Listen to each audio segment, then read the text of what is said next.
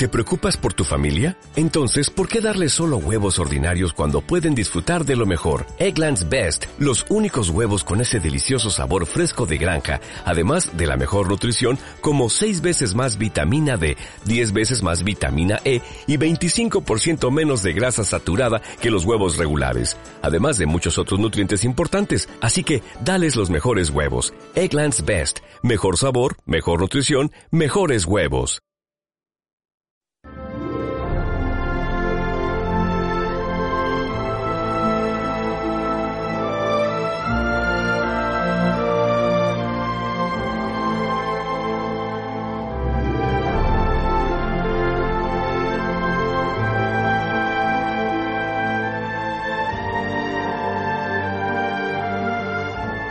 Obrim la Murta una setmana més i avui ens acompanya la restauradora Mónica Ibáñez.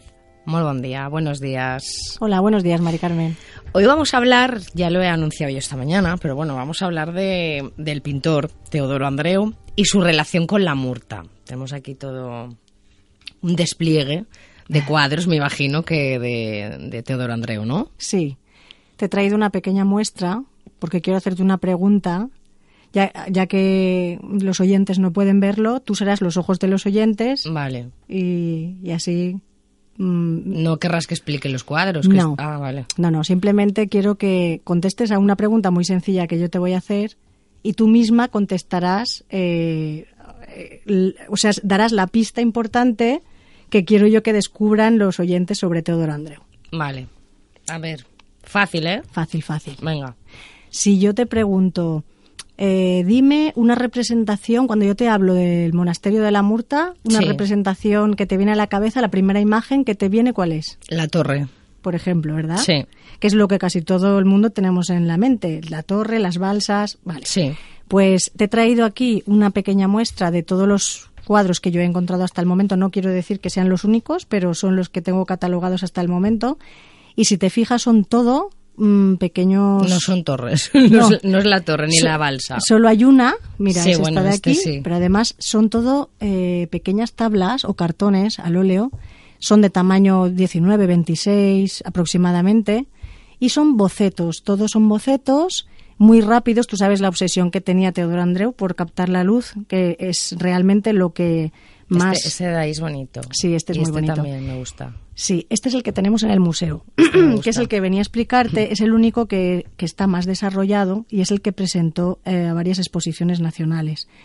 Eh, el, el resto sí que son bocetos, pero si te das cuenta, cada uno tiene un tipo de, de iluminación. Sí. O sea, Realmente, si tú te vas a la Murta, eh, depende del, del momento de, de la estación de- del año e incluso dentro de, de una misma estación, en varios días distintos sucesivos, eh, depende también de la hora a la que vayas, la luz cambia completamente. Entonces, como Teodoro era un enamorado de, captar este, este tipo de coloridos, él lo que hacía era, mm, pues, empastaba rápidamente para, para captar el color. Fíjate aquí en este boceto dominan los anaranjados, en este dominan los azules. Son colores con mucha luz, pero cambia completamente de una tabla a otra. Sí. Sí, sí. Y sin embargo, en este que te quería comentar, eh, sí que está mucho más elaborado, pero son rincones desconocidos donde se ven muy claramente las montañas de alrededor, donde se ven mm, matorrales o pinos, pero no, no los reconoces a no ser que seas un excursionista, que te guste mucho el senderismo y, Ya, y es, difícil. Bueno, este igual aún por lo que tú dices, ¿no? Que se ven las... Pero bueno, es, yo lo veo complicado. Pero en aquellos, está muy difícil a claro, no ser que porque reconozcas. dices que es la murta, pero en fin, Sí, sí, sí, podría ser cualquier otra cosa claro. también. Pues mira, por ejemplo, en el cuadro que tenemos en el MUMA, en el Museo Municipal de ¿Cómo se llama este cuadro? Rincón de la Murta, Vale. este, eh, en el diario de la correspondencia de Valencia, eh, del día 4 de agosto de 1917, eh, pone entre, digo entre comillas, ¿vale? A- además del antedicho cuadro, se ha- hacía referencia a la Puerta Santa. Es un cuadro que pintó en Galicia, ¿vale? Porque en el año 1914 él lo destinaron a la Escuela de Artes y Oficios de, de Galicia como profesor de término. Sí. Entonces, cada verano él volvía a, a pasar sus vacaciones aquí en Valencia y aprovechaba para captar la luz lo máximo que podía y volver a plasmarla, que era su obsesión. Lo curioso es que tenemos un periodo de intervalos de cuadros que son muy luminosos, que son los de verano, pero vemos que esa luz la aplica a los cuadros de Galicia. Entonces, si comparas eh, esos cuadros que tenemos algunos en el museo, que, en cuanto eh, volvamos a inaugurar la sala Teodoro Andreu estarán expuestos al público, podrás observar un cuadro que está pintado en Galicia al lado de uno que está pintado en Valencia, y sin embargo el de Galicia no es triste ni es oscuro. Es Tiene la misma luz que sí, Valencia. él intenta eh, interpretar la luz valenciana en los cuadros de Galicia. Es una cosa muy curiosa. Entonces, por eso aquí eh, dice, además del antedicho cuadro, haciendo referencia a la Puerta Santa, que es el que te comentaba, que estaba pintado en Santiago, Teodoro Andreu ha enviado otro titulado Rincón de la Murta, que se está refiriendo a este? este del museo, y que es un lienzo bellísimo que nos retiene ante él por su belleza dice. Sí. Y claro, lo que me resulta curioso es que los críticos de arte de, de aquella época, en, en, toda la hemeroteca que he ido encontrando, ellos tenían un espacio muy limitado a la hora de, de poder hablar de la exposición eh, que se estaba realizando en, en ese momento. Entonces, ellos simplemente hablaban de los cuadros que habían obtenido una medalla o de aquellos que les había llamado mucho la atención y luego enumeraban a toda la cantidad, toda la retaíla de pintores que se habían presentado. Entonces, claro, Teodoro Andreu, el hecho de que se detengan a hablar de ese cuadro sabiendo que no había obtenido ninguna medalla, quiere decir que llamaba la atención, a pesar de no haber obtenido ningún premio, ¿sabes? Y después, pues, mm, a ver, por ejemplo, mira, también he encontrado en el Diario de las Provincias del día 23 de abril de 1917 que la Juventud Artística Valenciana pues había organizado una exposición y se que se iba a celebrar en breve en Barcelona y Teodoro Andreu concurrió a ella con, la, con dos obras, una que se titulaba Los Zagales y con La Murta. No sabemos porque me he encontrado con un problema y es que un mismo cuadro tiene varios títulos. Entonces, eh, a lo mejor este, este mismo, el que te he comentado que está en el museo, se conocía igualmente como Aguador de la Murta o Rincón de la Murta al restaurarlo, le dieron la vuelta y vieron que estaba escrito por detrás Rincón de la Murta. Pero eh, se refiere al mismo cuadro. Entonces aquí cuando vemos la murta no sé exactamente. Claro, puede ser cualquiera también, ¿no? Claro, claro. Eso es eh, también un problema. Ya.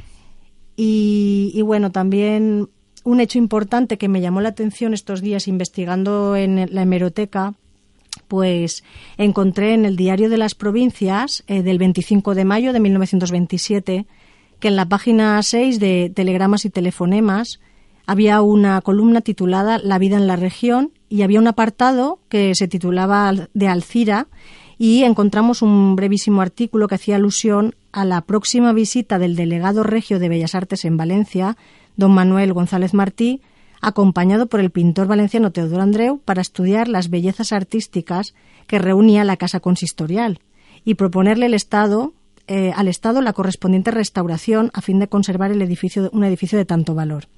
Tú estarás pensando, ¿qué tiene que ver esto con la murta? Pues es que después he encontrado también un artículo en el cual aparece una fotografía, mira, eh, donde Teodoro Andreu había acompañado al ministro a visitar la murta, a visitar la murta exactamente.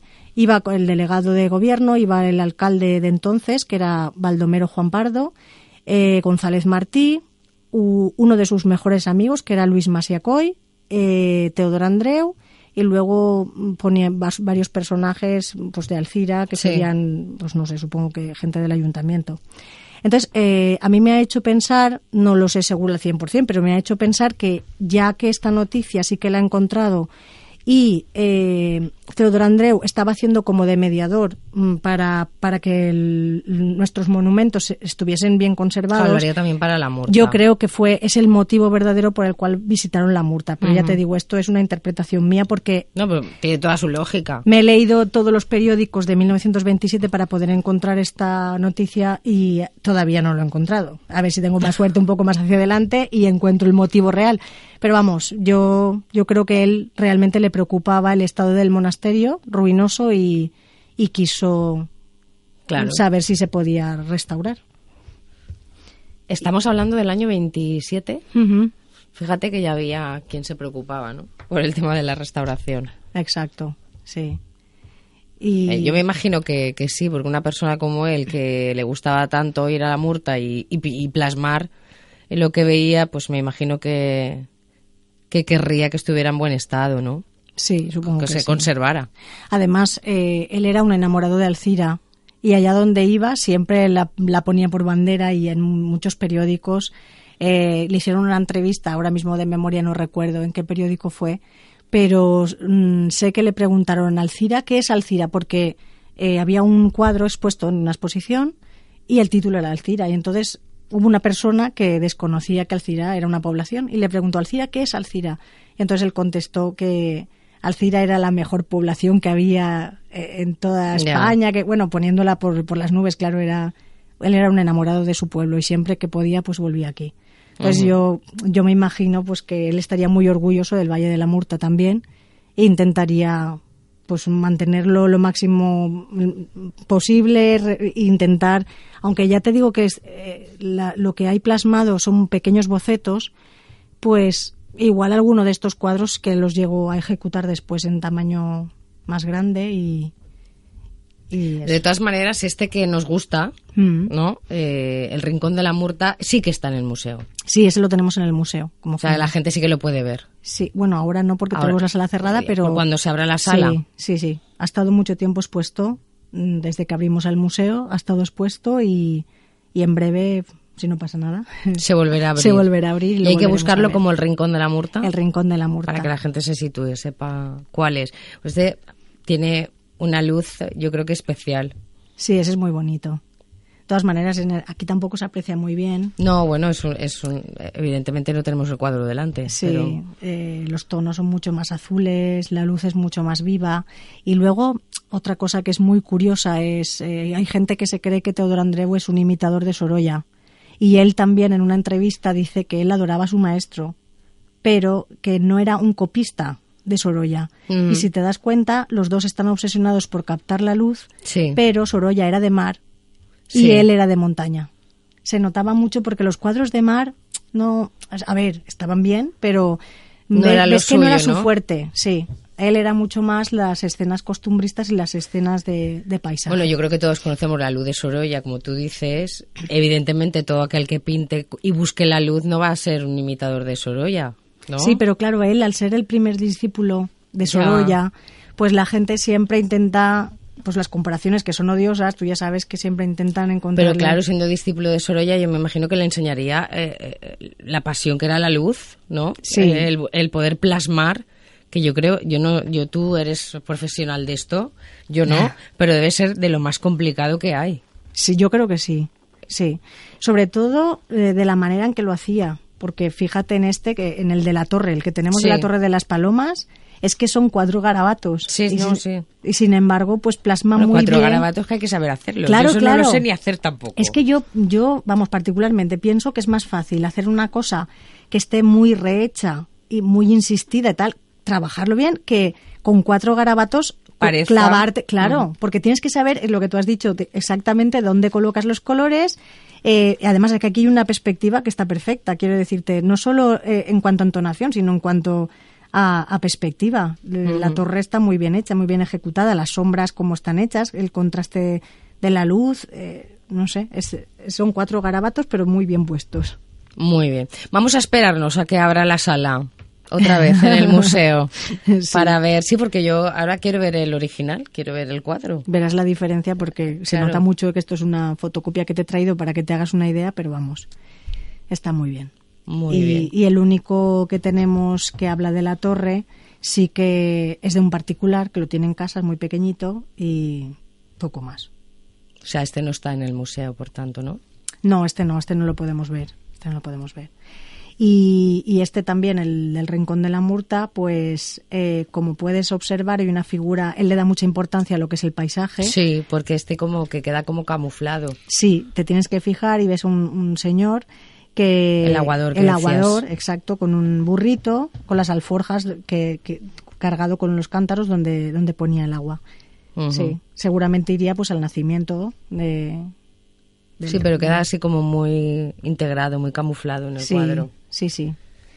Y aparte de, de los rincones de la murta, también le daba mucho por, pintar rincones de la casella, que también tenemos unos cuantos, y sobre todo pues de los huertos de alrededor. Mm, Era un hombre de campo. Sí, sí. De campo y montaña. La verdad es que sí. Muy bien, pues ya hemos conocido un poquito más de la relación de Teodoro Andreu con, con la Murta, Mónica. Ya otro día que nos visites a ver qué nos cuentas. Muy bien. ¿Eh? Sí, porque realmente yo creo que así en respecto a la relación que tenía Andreu con la Murta, de momento no he descubierto nada más. Si me entero de alguna cosita, pues te lo contaré. Nos la cuentas. Mm, como curiosidad. Y, pero vamos, porque de Andreu hay que contar mucho, mucho, mucho. Pero el pues tema de hoy era la murta. El tema de hoy es la murta. Aquí tenemos un montón de espacios para que podamos hablar de Andreu cuando quieras o de cualquier otro tema que tenga que ver con el arte. Muchas gracias. Mónica, gracias por estar con nosotros. Gracias a ti. Hasta luego. Hasta luego. Como nuevo cliente de Western Union, puedes disfrutar de una tarifa de envío de cero dólares en tu primera transferencia internacional de dinero en línea. Envía dinero a los tuyos en casa de manera rápida, fácil y conveniente. Visita westernunion.com o descarga nuestra app hoy mismo y tu primera tarifa de envío corre por nuestra cuenta. Aplican ganancias por cambio de moneda. No disponible para tarjetas de crédito y envíos a Cuba. Servicios proporcionados por Western Union Financial Services Inc. NMLS 906983 o Western Union International Services LLS NMLS 906985.